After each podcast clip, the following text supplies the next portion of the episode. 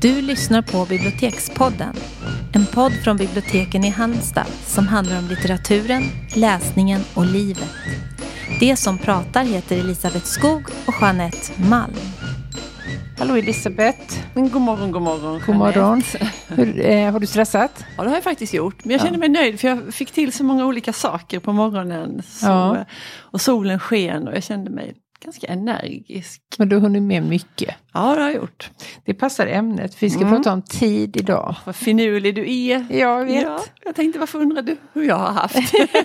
Jo. Eh, nej men det är ett jätteintressant fenomen som det har skrivits ganska mycket om och som man kan betrakta på olika sätt ur, ur olika... Eh, det är liksom ingen självklarhet hur Nej. tiden är och samtidigt är funtad det ju en grundbult. Liksom. i allt vi gör. Mm. Och det är bara något vi har bestämt egentligen. Ja. Men vi återkommer till detta. Det gör vi. För först så ska vi ha vår stående punkt med eh, ordet för dagen eller orden för dagen. Mm. Mm. Eh, vill du börja? Så Kan jag göra. Ja. Eh, Jag har tänkt på ett ord länge, Mm. ofta, och eh, tyckte att det skulle passa bra i den här serien. Och det ordet är sammanhang.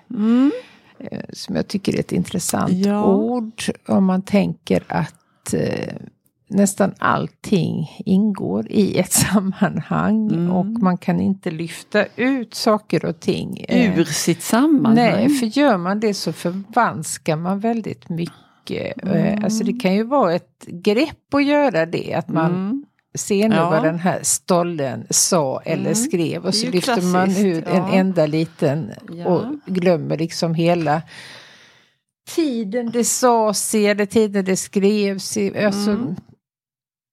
Vi kan inte döma liksom med våra glasögon eh, hur man fungerade för väldigt länge sedan. Och det Nej. tycker jag är väldigt intressant. Sen är det ju Mm. väldigt bra att vi har kommit på att vissa saker är helt förkastliga. Ja. Men eh, därmed inte sagt att man var mindre vetande. Nej. Utan man bara agerade utifrån den kunskapen man hade då. Mm. Så därför tycker jag sammanhang är intressant. Också att man ingår i ett sammanhang. Mm. Att man själv gör det. Tänk om man inte gjorde det. Och man Nej. gör det i så många olika. Man har så många små sammanhang. ja. Eh, som går ihop i en enda stor eh, gytter. I ett gytter, just det. Mm. Det är precis det hon skriver om Ia Genberg i den här boken Detaljer som vi har Se där. pratat om. Ja. Jo men det här med att, att livet består av så många olika detaljer eller sammanhang eller olika kretslopp på något sätt. Att man Mm. kanske ofta efterlyser en stor helhet. Vad det var härligt, för den ska lite- jag läsa Ja. så fort jag får den. Du, en annan sak som var lustig, för vi pratar ju aldrig med varandra innan om vilka ord vi har valt. Nej. Ehm, för de är ganska, ja men ja, för mitt ord för dagen är samförstånd. Ja. Jag tänkte det här Det är ju verkligen sam- tangerar. Ja, så det var lustigt. Ja, men jag tycker att det är ett sånt himla fint ord. Mm. Samförstånd, att känna samförstånd med någon. Mm. Det kan man ju göra både med människor och djur. Eh, Nej, men speciellt med människor såklart. Mm. Och så tycker jag att det ordet också det innebär ju inte att man måste vara, liksom, tycka likadant Nej, eller vara helt alls. enig om allting. Eller, Nej. men att det finns en grundläggande schysst känsla av att man vill förstå varandra. Ja. Och att man gör det också em, i väldigt stark liksom, positiv bemärkelse. Så att jag, jag blir så glad när det uppstår samförstånd och jag tycker Ja, att ordet också verkligen. är sammansatt då av sam som ju du var inne på i ditt ord och också det väldigt trevliga ordet förstånd. Mm. Det här med logik och förstånd och Mm. klarhet tycker jag. Det är inte alltid man söker det här samförståndet. Jag Nej. tänker till exempel politikerdebatter som Nej, bara går nej. ut på att man ska hugga Ja, så snabbt och hårt som Mm. möjligt och ingen lyssnar. Jag tycker Nej. det är väldigt obehagligt att lyssna på. och där är, precis. Och eh, när man då inte alls, det här med att se saker i sitt sammanhang, det Nej. är ju inte alltid det sker utan då kan man plocka upp någon Mm. liten fras och så gör man stor sak av att det var dumt eller att det var, ja, Ja, se här. Mm. Nej, mer sammanhang och samförstånd. Ja, åt folket. Åt folket. ja. Du, Ja. den här tiden då som Mm. vi ska prata om. Eh, vi kan väl först enas om att den har en definition. Ja, jag det är nämligen det en mig. grundläggande dimension i vår tillvaro som gör att vi kan beskriva händelser i vad som har skett, vad som sker nu och vad som kommer att hända senare. Det vill säga ge en ordnad följd, en sekvens av händelser. Mm. Det är inget att protestera mot. Det. Nej, verkligen inte. Men man kan också ha olika tidsuppfattningar och i vår del av världen och inom vår religion och även judendomen och islam så ser man tiden som linjär från Mm. ett, en början och sen fortsätter den till ett eventuellt slut. Mm. Medan man i de här gamla, eh, till exempel eh, romarriket och de gamla grekerna som man säger såg tiden som cyklisk. Mm. Det var att det, det liksom gick hela tiden runt så här. Allt Riken går i cirklar, ja. Ja, och det Mm. blomstrade och det dog och det upp, Mm. återuppstod. Och det tänker jag, det är ju mycket mer i enlighet med hur naturen fungerar. I alla fall här hos oss. Ja. Det är verkligen liksom att det är sådana skillnader och sen kommer det tillbaka. Ja. Vilket är helt otroligt att det gör. nu när det börjar spira ja, igen. Det är så, konstigt. Det är så konstigt. Ja, att det funkar. Om det nu gör det. ja. Ja. Så har vi det Mm. med tiden. ja, men intressant. Mm. Eh, ja. Eh, ett bokverk eller ja, böcker som är svåra att gå förbi då när vi har det här vida temat får vi ju säga. Ja. Tid. Men och det är ju såklart då på spaning efter den tid som flytt Mm. av Marcel Proust. Och det är en romansvit i sju delar och så vitt jag förstår så är också de olika delarna indelade i olika andra delar. Mm. Sa jag att det var Marcel Proust? Det sa jag. De Ja. gavs ut 1913 till 1927 så det var ju under en ganska lång tid. Och den här sviten då som jag tror, alltså här på bibblan så är det nog framåt sommar och semestertid när folk tänker att de är lediga så Då är det mer det. än en som kommer. Och ofta, vad som ofta är utlånat då och vid andra tillfällen under året också, det är del ett. Exakt. Det är aldrig till någon- sju i, i min condition. Ja, det, och det är aldrig någon som kommer och frågar. Kan du? Vi har en del, några som står i magasinet och några som står uppe. Det är aldrig någon som vill ha hjälp att hitta del två. Det kanske beror på att de har lärt sig då. Det är en välvillig tolkning. Stod. Det är en välvillig tolkning. Inte vet jag. Men den här romansviten då, den räknas ju då till den litterära modernismens liksom stora Mm. praktverk. Eh, när jag kollade upp det här så det, det här är ju då, gör den då tillsammans med några andra böcker och det är James Joyce, Ulysses, Virginia Woolfs Mrs Dalloway och andra av hennes böcker men också Robert Musils Mannen utan egenskap. Och den har jag inte läst, det här var ett stickspår men eh, har du Mm. läst den? Musil har jag inte Mm, läst. Nej, men jag fick lust att Kommer nog aldrig att göra det heller. Det tror du inte? Nej. Men däremot är jag faktiskt... Jag tänkte att jag skulle läsa Proust till sommaren. På riktigt. Välkommen till bibblan! Tänk om man skulle göra det, tänker jag.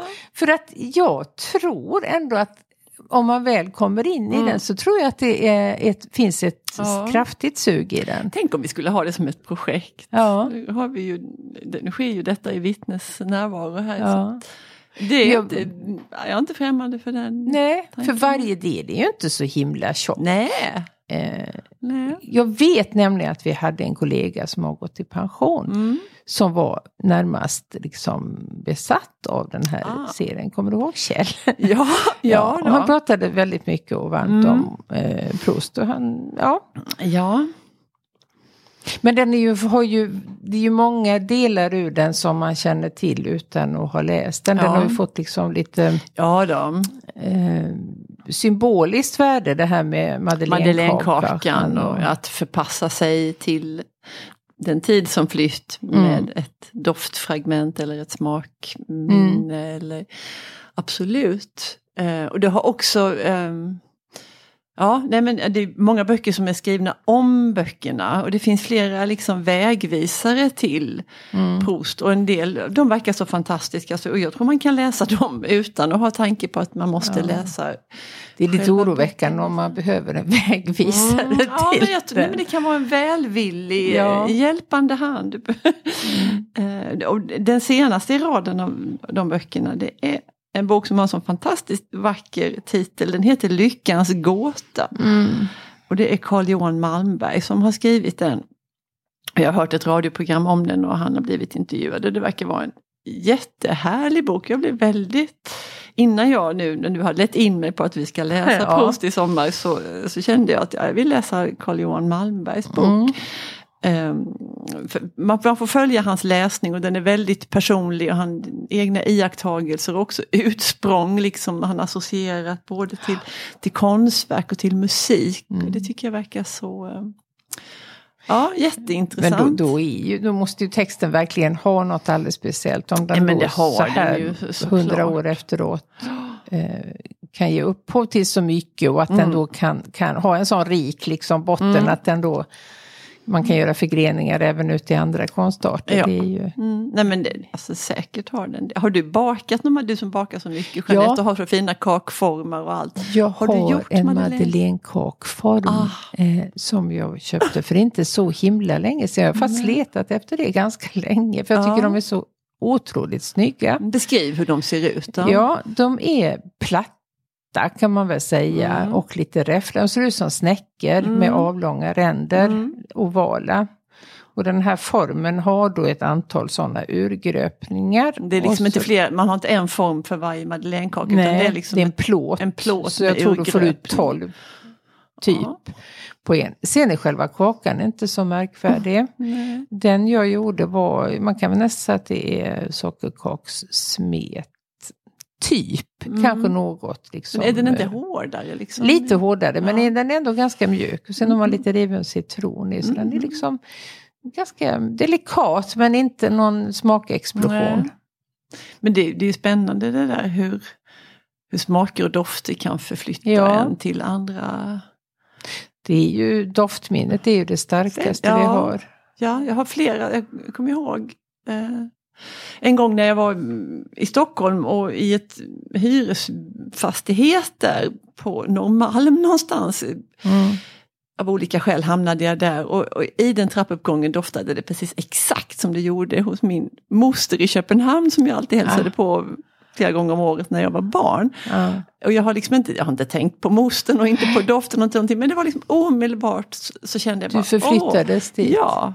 Och det är så, man är inte beredd och man vet inte vad är det som Nej. händer men plötsligt så är man bara liksom För det är 30 också, år tillbaka i tiden. Ja, för det är också det som skiljer dig från andra minnen kan du liksom aktivt framkalla. Mm. Eh, ofta du kan tänka Ja. tillbaka men doftminnet kan Nej, du det inte återskapa. kommer, det måste liksom komma Ja. som en förnimmelse då av en doft. Och då, Jätte... ja, det, jag tycker det är jättefascinerande. Otroligt. Jag hade köpt en ny handkräm häromdagen det- som jag inte hade, jag hade bara tagit den sådär på vinst och förlust. Eh, och det var också något med den doften för den doftade som någon sån parfym man hade i för puberteten. Date. ja, ungefär, det var nog det. Är det sant? Ja, Ja, den fanns i olika färger. ja jag vet. Den blåa var godast. Ja, det kommer jag jag inte ihåg, det var den säkert. Mm. Ja, det var idel språng. Men intressant. Mm. Eh, jag gick och letade på fackavdelningen om Mm. ämnet tid och då visade det sig att Alex Schulman och Sigge Ja, Eklund, vad de... de håller på. håller på. Ja. De har, det här det var inte jättenyss de skrev den här boken, det var några år sedan. Eh, den heter Tid, livet är inte kronologiskt. Eh, Alex och Sigge är ju mest kända nu för tiden för att de har ja, men jag vet inte om det är fortfarande Sveriges största podd, men Mm, den har varit det väldigt länge. Som heter just Alex och Sigge, där de pratar om ditten och datten hela tiden. Och det är ett ständigt pågående samtal. Och i den här boken så har de samlat då det de har pratat om i olika kapitel Mm. som alla då har liksom den gemensamma nämnaren att det handlar om tid. Och sen i varje sånt kapitel så är det en berättelse från Alex och en från Sigge Mm. som är liksom Så det kan upplevas något rörigt eh, kanske men eh, vissa lite djupare iakttagelser. Mm. Eh, nej men de säger så här, tiden den är både konkret och abstrakt. Klockan visar timmar, minuter och sekunder men ett ögonblick kan vara i evighet och ett år kan försvinna i en blinkning. Mm. Och det, så är det ju verkligen. Ja. Jag Ja, men tycker det har det- hänt något med tiden nu under corona. För de här två åren så tycker jag att jag, jag har ingen, liksom, jag kan inte hänga upp Nej, saker och ting på nej. något.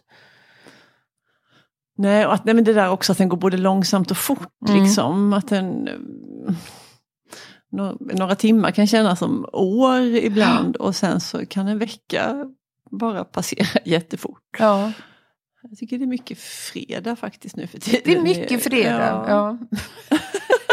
fredag hela veckan. Ja. Nej men också att man får upp sina Facebook-minnen. För då blir man ju smärtsamt påmind Mm. om. Och så kan det säga åtta år. Nej men det, inte, det kan Nej. inte vara åtta år Nej. sedan.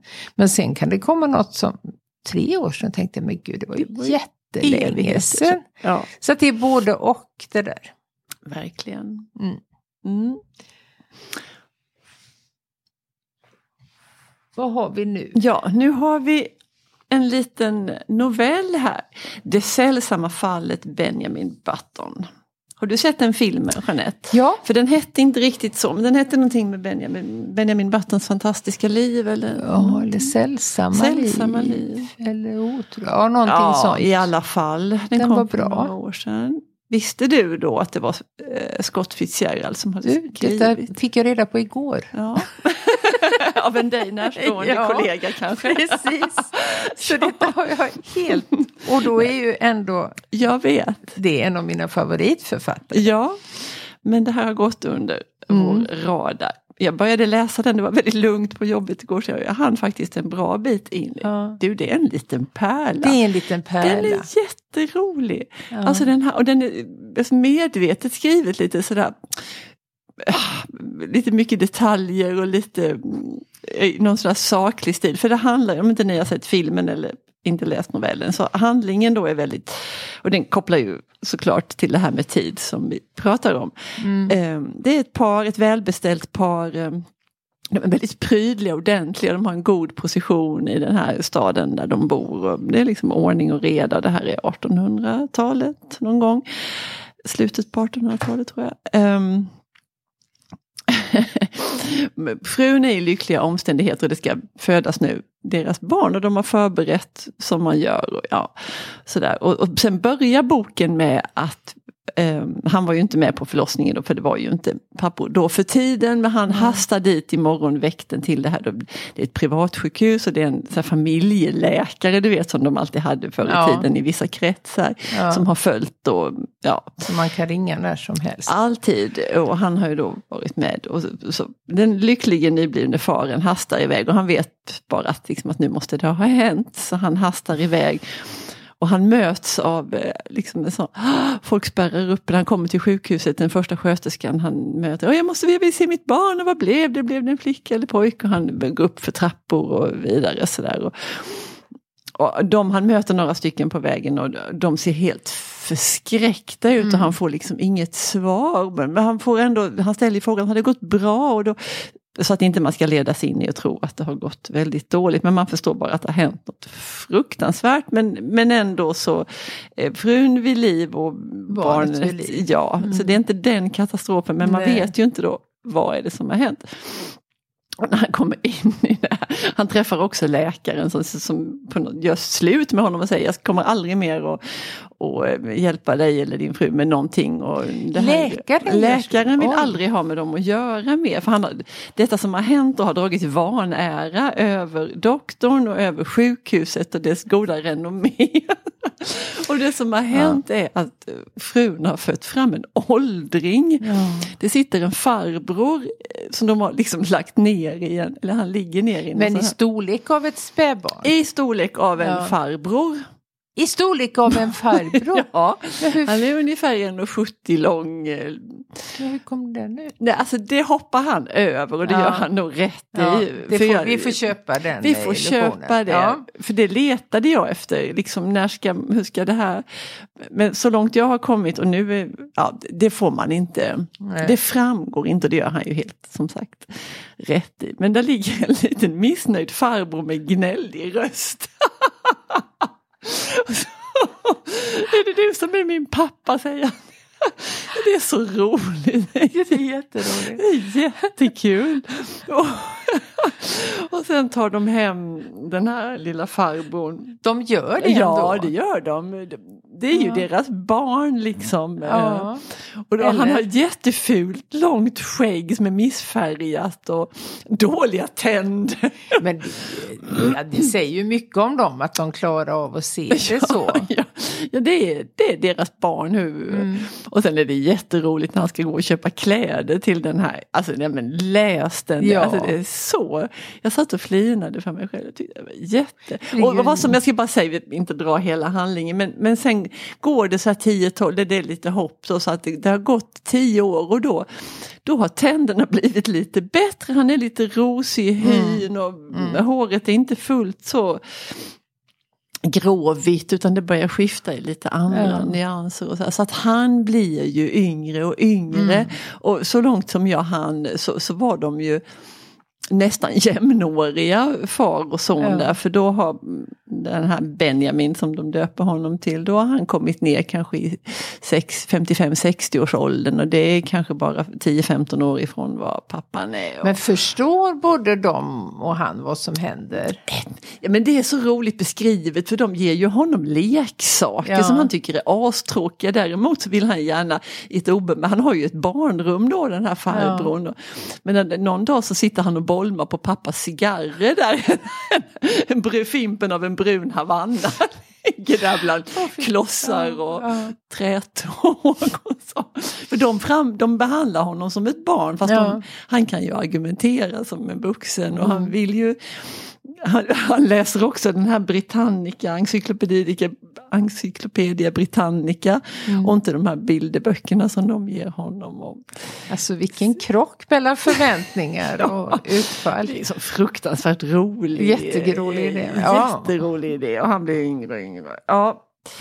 Eh, Det är en känd skådespelare som, som spelade, det kommer jag inte ihåg. DiCaprio. Är det DiCaprio? Ja, det är Har jag för Men mig. också för mig. Jag kommer ihåg att jag såg den. Ja. Nej, men den var väldigt skickligt genomförd. eh, För det ställde ju sina krav på mask eh, trovärdigheten. Verkligen. Ja. Men, eh, ja, men det, det var en sån stor film. Ja. Och det är ju märkligt att det har kommit ut ur den här lilla, lilla tunna boken. Ur Den denna kan lilla inte vara så många sidor. Nej, det är den inte. Är det ens en roman eller är det en Nej, novell? det är en novell. är en novell, ja. ja. Det är det, den är ju på 50 sidor. Jag Mm. ska läsa klart den. Och jag, ja, jag blir väldigt upplivad. Mm. Den var härlig. Ja, nu går vi vidare. Nu ska vi prata om punktlighet Mm. Ja. och om Werner Silversköld som faktiskt är en Halmstad eh, psykiater som Ja, verkade här i Han många var år. ju på modet och i ropet Ja. på 70-talet något så alldeles. Han hade sina metoder. Eh, Ja. författare och sådana som kom. Var det Mm. Sonja Åkesson sägs ha flyttat hit för att få komma i Werner behandling hos. Werner Silversköld. Ehm, ja, jag vet flera, många kvinnor som Mm. besökte honom. Han hade olika kurer. Just det, han, Mm. körde med kurer.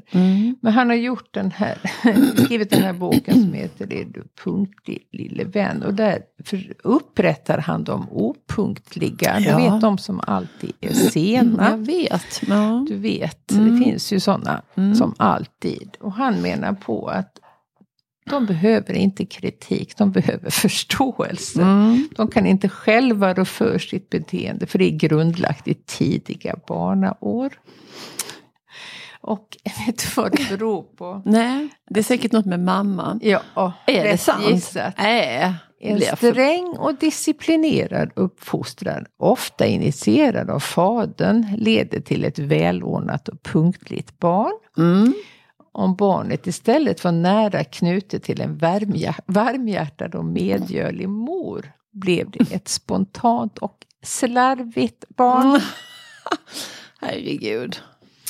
Naturligtvis säger den, det får vi ju upprätta Werner lite grann, Mm. att det kan vara ombytta föräldraroller. Det handlar inte om kön utan förälderns relation till samhället. Och det innebär också att syskon kan bli helt olika i de här Ja. frågorna. Ja, det är klart. Ja. måste ju gardera sig med det. Jag är ja. skeptisk, men det är faktiskt också en ganska rolig bok. Eh, och man kan inte ändra på sig, för det här är fastslaget. Så Mm. efter fyra år så är det den är som det är som punktlig, är punktlig och den som är opunktlig. Och de kan liksom inte Ja, men det Skärpa sig. köper inte Det jag gör inte faktiskt. det Nej. heller. också det är det här intressanta att den som är opunktlig, slarvig med tid, den kommer ju i tid när det verkligen behövs. Mm. Och han har en förklaring. Ja, det är klart. Till detta. Ja, vilken är det då? För även om man alltid är fem minuter för sent till jobbet eller en Mm. kvart för sent till middagen eller en halvtimme för sent till den där vännen man ska träffas Ja. så missar de ju faktiskt sällan tåg eller flyg. Nej. Och då lyder det en allmän regel som Werner Silversköld har stipulerat Mm. att den opunktlig kommer precis så mycket för sent i varje särskild situation som han kan göra utan att det leder till katastrof. Mm. Men då, ja. Jag har problem med hela förklaringen. Sen Ja, och är ju jag inte har- jag psykiater då. Nej. Nej, men jag tycker, jag har problem med det där att, att det, men jag kan köpa mycket av det där, möjligen då, men att det inte skulle gå att göra någonting åt det tycker jag är en väldigt liksom, tråkig eh, aspekt av det hela. För, för det tror jag ju att det, det är mycket som man faktiskt kan förändra med sitt beteende. Ja. Det, kan, det är ju det svåraste som finns att ändra någonting, det vet man ju. Ja. Men att det skulle vara omöjligt, det är en annan femma. Och det tycker jag skulle vara så himla deppigt om inte det gick att Mm. förändra. För det är ju ändå, jag räknar mig faktiskt till de punktliga, Mm. att det är ju ändå vi som får vänta på de Gud, här. ja. Det är ju vår tid som liksom slösas bort. Mm. Men ändå ses det som lite charmigt och Mm. lite sådär easy going och vara en eh, Det, ja, det är liksom... notorisk tidstjuv. Mm. Det, Ja, det ska man liksom, man ska ha överseende med det och Mm. Precis att det ska vara lite charmigt. Och, eh, men absolut mig att... jättemycket om man sitter och väntar på ett möte. Så säg att vi är då 15-17 personer på ett möte. Mm. Har alla kommit? Nej, det har visst inte. X har inte kommit. Då ska alltså 17 personer vänta. Mm. Eller också säger då den som leder mötet, nej vi kör igång. Då efter 10 minuter så stormar X in. Då ska det förklaras vad vi har sagt. Mm. Alltså blir det liksom ett... Alltså hela rytmen går förlorad Ja. och man får börja om igen om man blir störd. Och samtidigt ska man intyga att nej men det är ingen fara, sätt Nej. dig ner, ta en macka. Där borta finns kaffe, du Ja. kan hänga av det där. Mm. Mm. Ja, jag vet precis. Ja. Men hur gör du om du har avtalat tid med någon som inte kommer i rimlig tid? Ja, det finns ju, ja, det är ju beroende på situation. Ofta så tycker jag att man har det så stressigt. Så ibland kan jag bara tycka att nu bara sitter jag här och då, Ja. jag vet att jag är i tid. Och det beror ju på vad man ska göra och, Ja. och vem det är. Och ja, faktiskt på massa olika saker. Jag har också blivit jättearg på personer som Ja. När det har bollat med tiden. Nej men vi kan ses då, nej men förresten och den andra människan har ändrat flera gånger och jag Ja. har gjort liksom, ja men okej det passar inte mig jättebra men okej vi kan ändra och sen att, att jag ändå, fast jag har ändrat mig två gånger, att jag ändå måste sitta och vänta. Det- Nu vet Ja. jag har blivit, det har blivit konflikter med folk. Ja. På det, för jag tycker, Nej men det är höjden av nonchalans, Ja. eh, verkligen. ja. Eh, mm. Jag kände en eh, äldre kvinna, hon är borta nu sedan ett tag, men hon var väldigt sträng. Och hennes man berättade när de hade träffats, det var ju långt före mobiltelefoner och så, att de hade avtalat att eh, ses någonstans. Mm. Eh, hon kom, sen skulle de åka iväg därifrån Mm. tillsammans och eh, hon kom dit, han var inte på plats, nej då vände hon körde bilen. Och de bodde liksom skånska landsbygd, det fanns ju inte ens eh, bussar så han Nej. fick gå eh, Ah. typ en mil och hon bara, nej men du var inte där Olle, du får skylla dig själv. Ja, Så jag tror fast att han lärde sig. lärde sig Att det här funkar inte. Där ser du Silversköld, att det Ja. går att ändra sig. Det går att ändra sig. Därvidlag. Ja. Sen kan jag själv vara eh, sen ibland också. Men jag, jag Jo. betraktar mig inte som en notorisk Nej, absolut det kan jag också vara. Men jag blir väldigt stressad av det. Särskilt om jag vet att någon Mm, att någon annan väntar. väntar, Ja. på mig. Det, det tycker jag är jätteilla om. Då Ja. väntar jag betydligt hellre själv och Ja. tänker Ja, för det, ja, Ja, nu för tiden har man ju aldrig tråkigt när man väntar Nej. heller. Så att det är ju inte någon stor katastrof. Nej. Men eh, om man då har ansträngt sig väldigt mycket och den andra Mm. ändå, då, då, då Mm. kan det, det och kan det bli ett litet gnag. Absolut, ja. För det gör ju någonting med ens egen tid. Det är någon annan som, Mm. som då ska ha rätt, tar sig rätten att Ja. påverka min tid. Mm. Mm. Ha, du, det här var ett litet svep i tiden Mm. med boktips och reflektioner och utvikningar. Mm. Mm. Men vi säger hej då för idag. Eller var det något mer Nej, du skulle säga? jag är helt du nöjd. såg ut som att du, vi har ju glömt. Nej, Nej. du är nöjd, det är bra. Hej då. Hej då!